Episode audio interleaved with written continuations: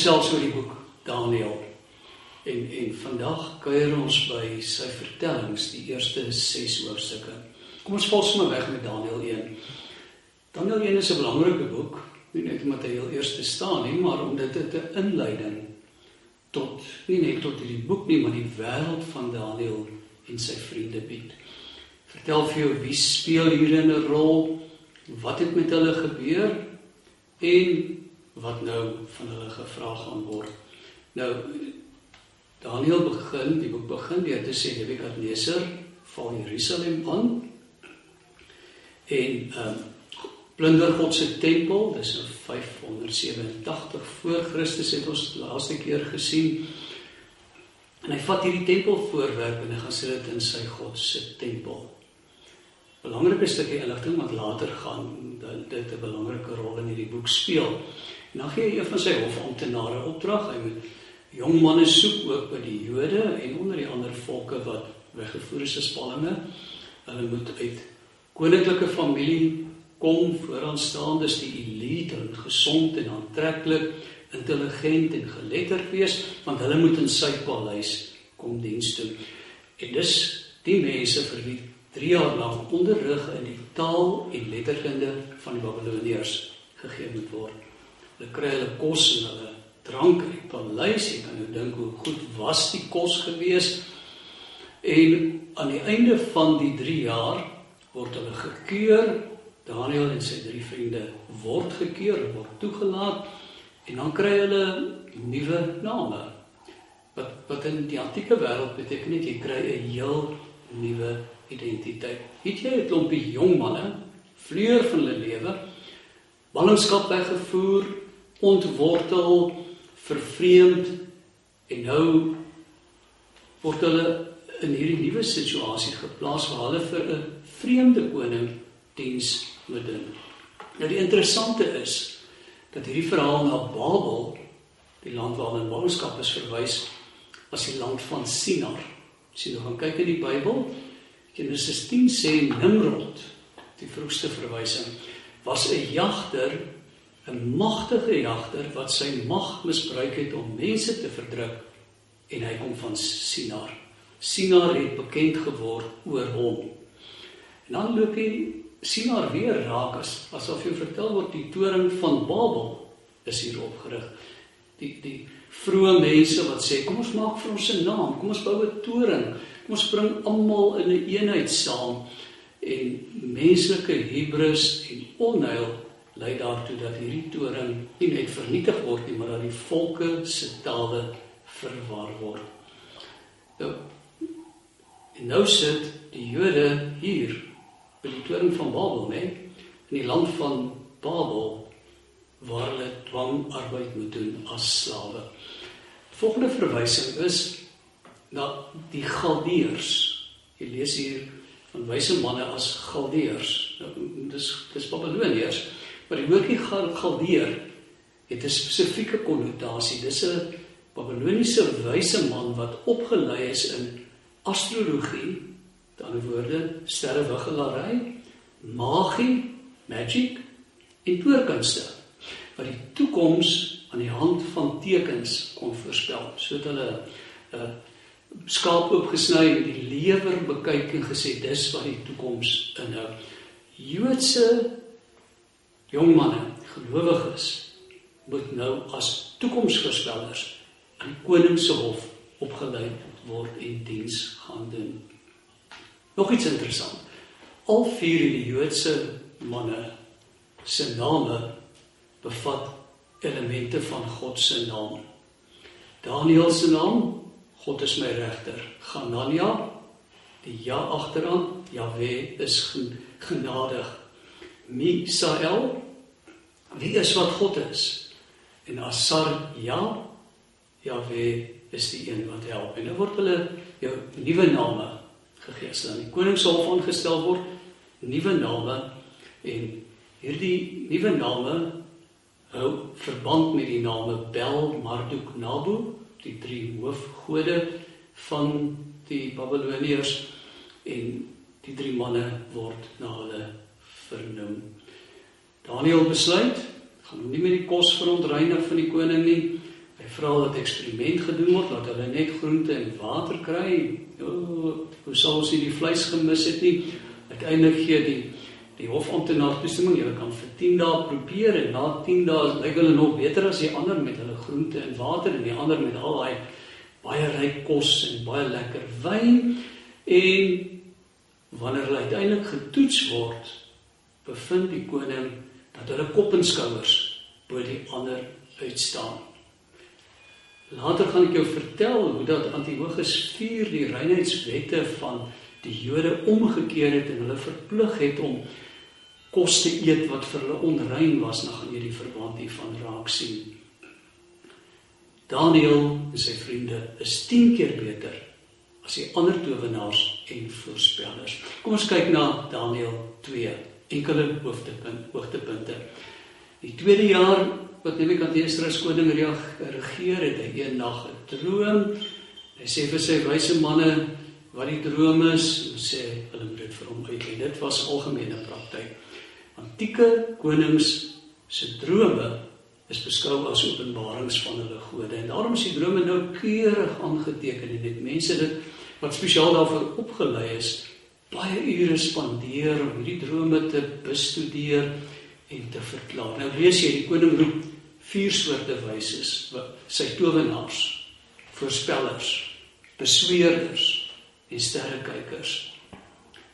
En dan in Hoofstuk 2 vers 4 as hierdie wyse manne die koning antwoord, dan doen hulle dit in Aramees. Onthou dan van hier af is die teks nou in Aramees in die taal van die Perse, later ook wat Jode gebruik het tot aan die einde van die 7de hoofstuk. Aramees het Akkadies as wêreldtaal opgevolg. Dan sê hulle vir hom: "Vertel ons u droom."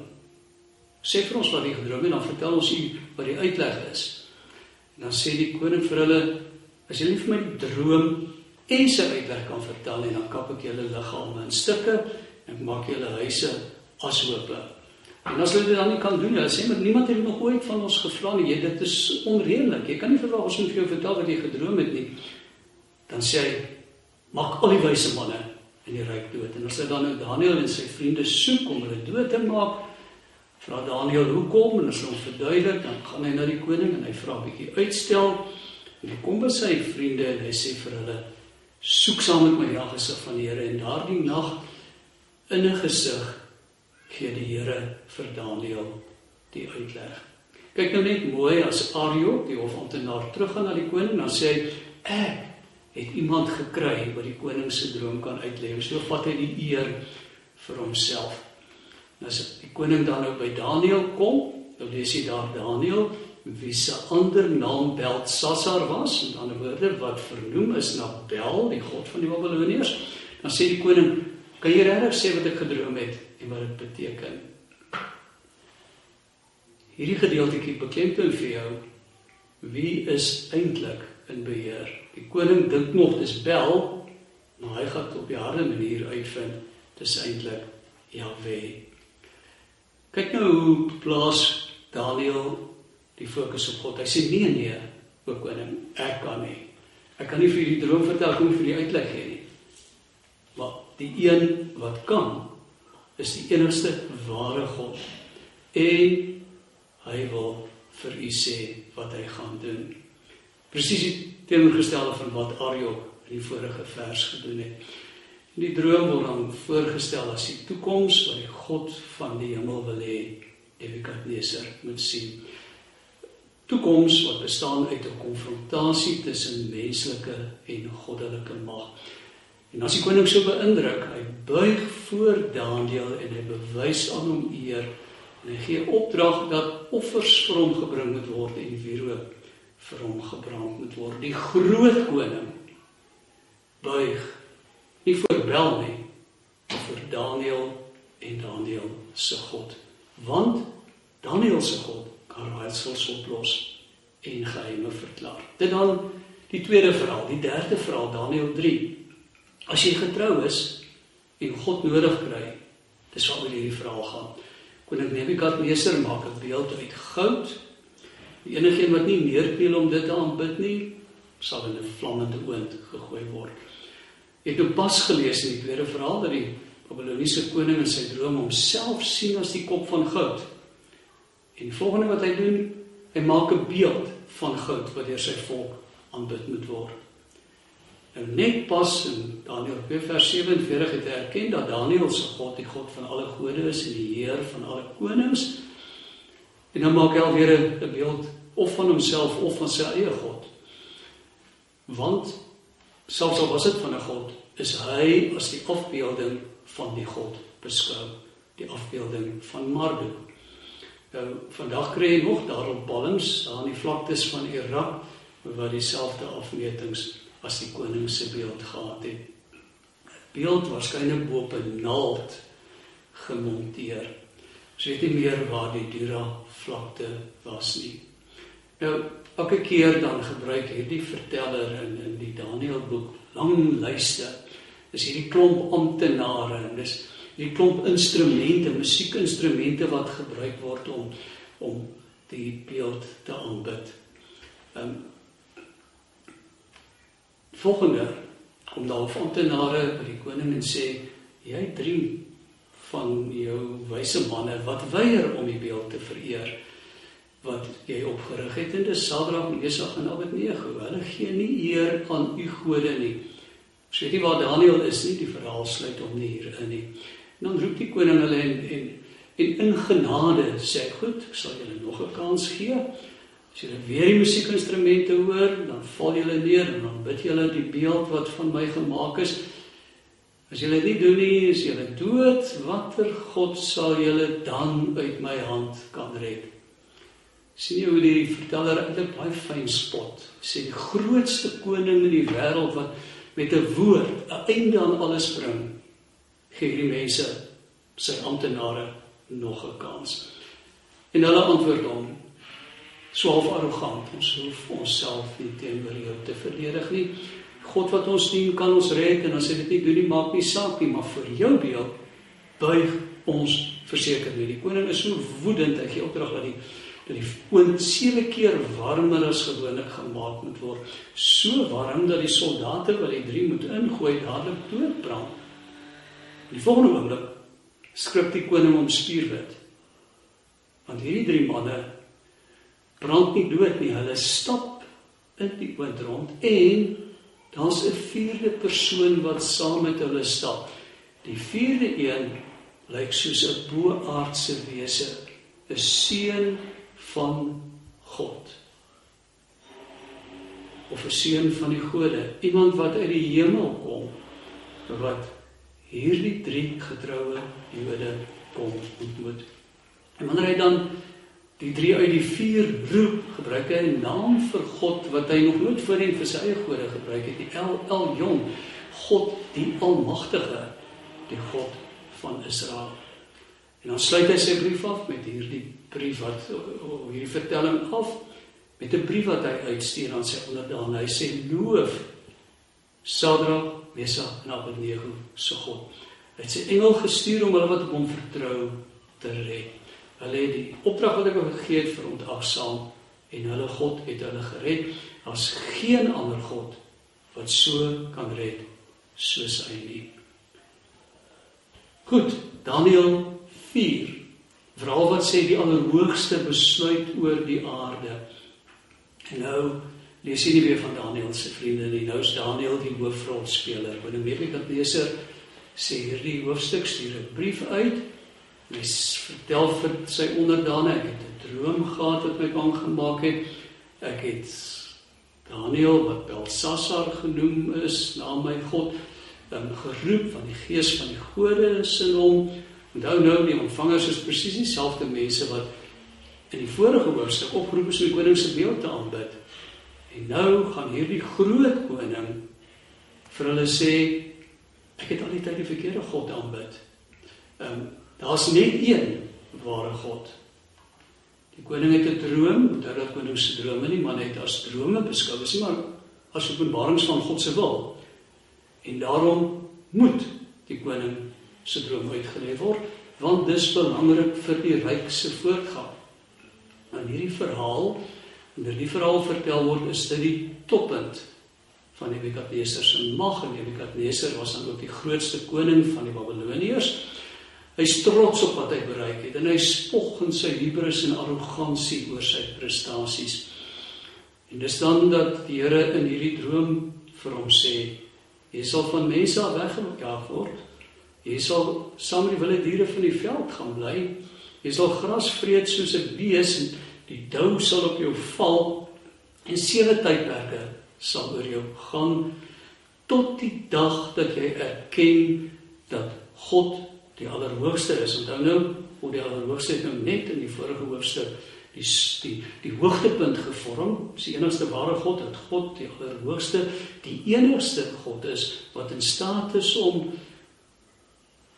mag aan mense te gee om te regeer en dit gee vir wie hy wil. Daniël sê koning Die Here waarsku jou. Hy sê: "Breek weg van jou sonde. Doen wat reg is. Los jou onregverdigheid. Sorg vir die wat behoeftig is sodat hierdie onheil jou nie tref nie."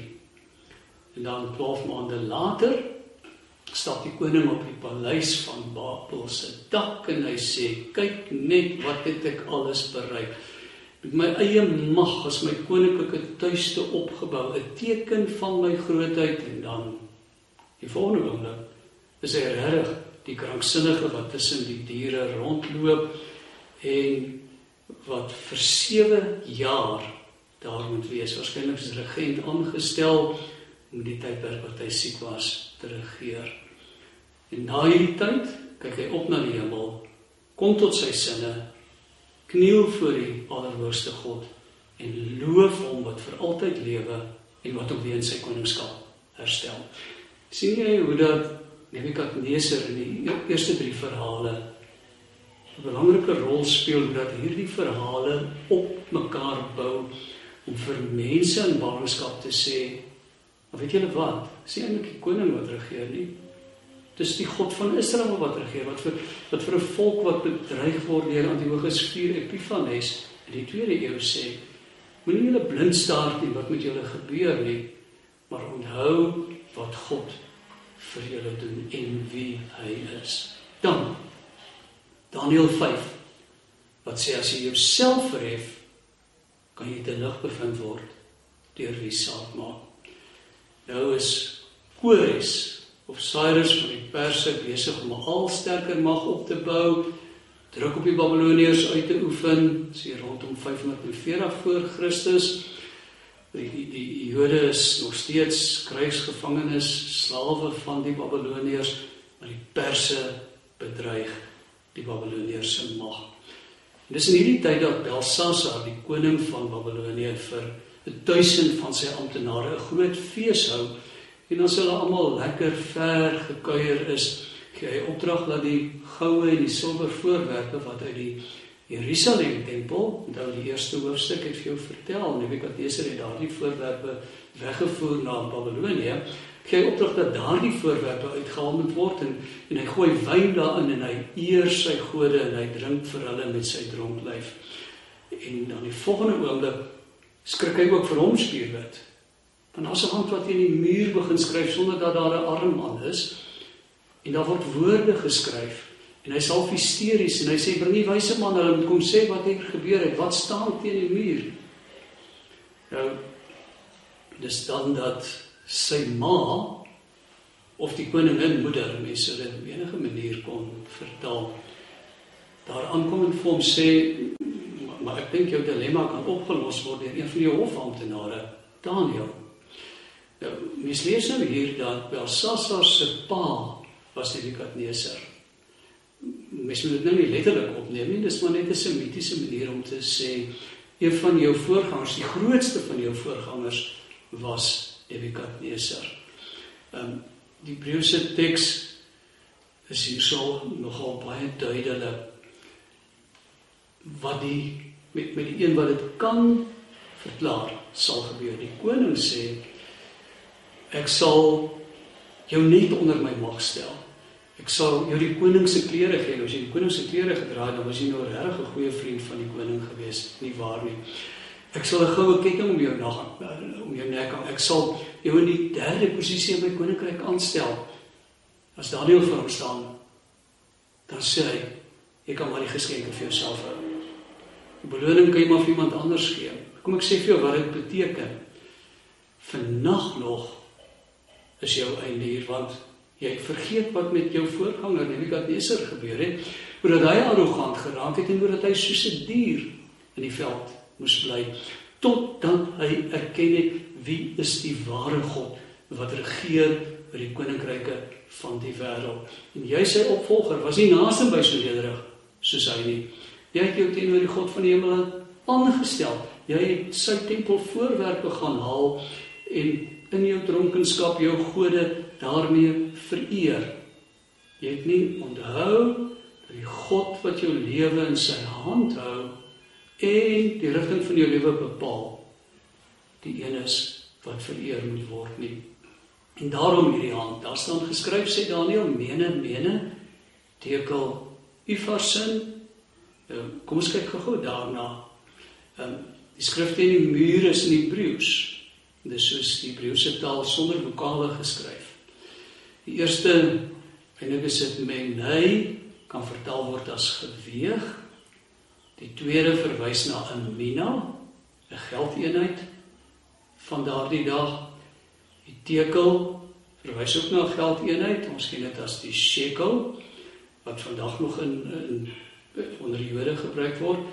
En parsin kan vertaal word as 'n halwe. Met ander woorde, geweeg 'n mina, 'n shekel en 'n halwe shekel. Die geld word elke keer halfpad minder werd. En ek dink dit sê daarmee jy weet van dat Nebukadneser aan bevind was het elke koning so halfpad swakker gevaar en halfpad minder waarde gehad totdat ons by jou gekom het en jy geweeg is en heeltemal te lig bevind is. Um Die werklike magtige een was Nebukadneser. Die een wat dink hy's magtig en wat dan so arrogant optree is dan Belsasar. In Hebreëus is daar ook 'n baie mooi klankspel hier verteenwoordig, die tekel of die shekel in verband met tekiel wat die woordjie vir geweeg is in vers 27 en vers 30 wat klink na die woordjie vir vermoor want daar dieselfde dag nog val die perse die stad binne en die koning word vermoor.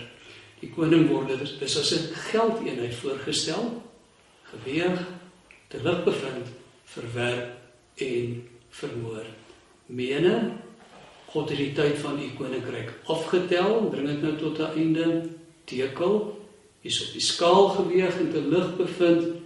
Peres die koninkryk word verdeel en jy vind ook die woordjie Persie daar en vir die mede en perse gegee. Hoe voorsien die spel van klank te doen omdat dit die perse die parsimus wat daardie nag nog die stad verower en die koning doodmaak die verdeling van Parsie kan dalk ook dui daarop dat die Perse en Mede saam bestuur of saam die mediese ryk, die Persiese mediese ryk gevorm het. Daniël 5. Kom ons kyk gou dan ook na Daniël 6 voor ons vir vandag klaar maak. Darius van die Meders. Miskien verwys dit na Kores of Cyrus want ons ken uit 'n buite Bybelse bron so 'n uh, historiese figuur nie. In sy tyd speel Daniël nou al klaar weer, onthou nou dis nou hy nou die Babiloniese ryk tot 'n einde gebring, sy eie ryk Persië daar gevestig en Daniël speel al klaar weer 'n belangrike rol as eh, die die die Persië het hulle ryk op 'n baie besondere manier um administreer. Hulle het 'n klomp hoofamptenare, 120 satrape of goewerneurs-generaal gehad oor 120 dele wat hulle die ryk ingedeel het. En oor elkeen van hierdie goewerneurs was daar drie amptenare wat hulle bestuur het. Um Daniel was een van hierdie drie hoofamptenare. En dan wanneer die koning oorweeg om hom as gevolg van sy besondere vaardigheid oor die ander drie aan te stel, met ander is die belangrikste, dan smee sy kollegas 'n komplot teen hom. Dis nogal So as jy baie suksesvol in jou werk is dat jou kollegas dalk jou grootste vyand word wat die mes die diepste van agter af indruk. Weereens kry jy hier hierdie lysies van die amptenare.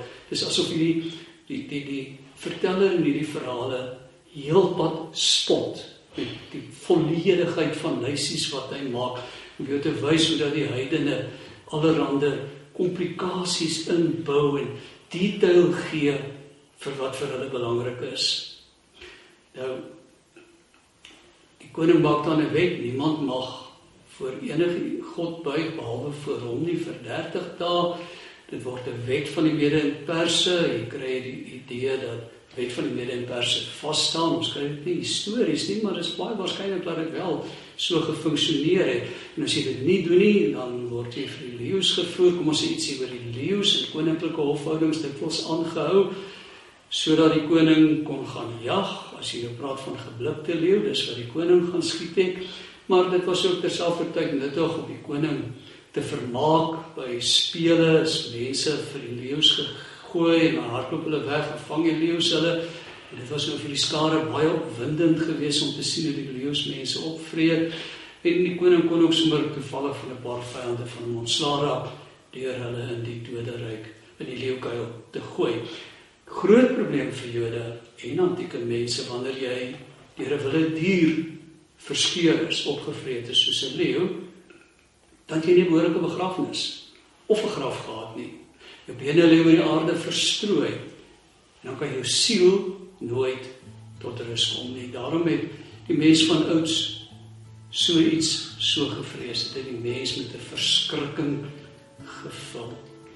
Nou Daniël se hele lewe staan op een beginsel gebou. Daar is slegs een ware God. Jy buig jou knie vir geen ander god nie. En as Daniël hoor dat daar so wet onderteken is, leer jy lees jy uit huis toe gegaan. Hy het daar 'n venster gehad wat oop was in die rigting van Jerusalem en hy het daar 3 maal 'n dag op sy knieë gegaan om God te tot God te bid en om te loof soos wat hy gewoond was om te doen. Die tempel bestaan het. Het Jode 3 maal 'n jaar na die tempel gegaan tot vandag toe omdat Jode nie meer 'n tempel het nie, bid hulle 3 maal 'n dag in die rigting van die tempel.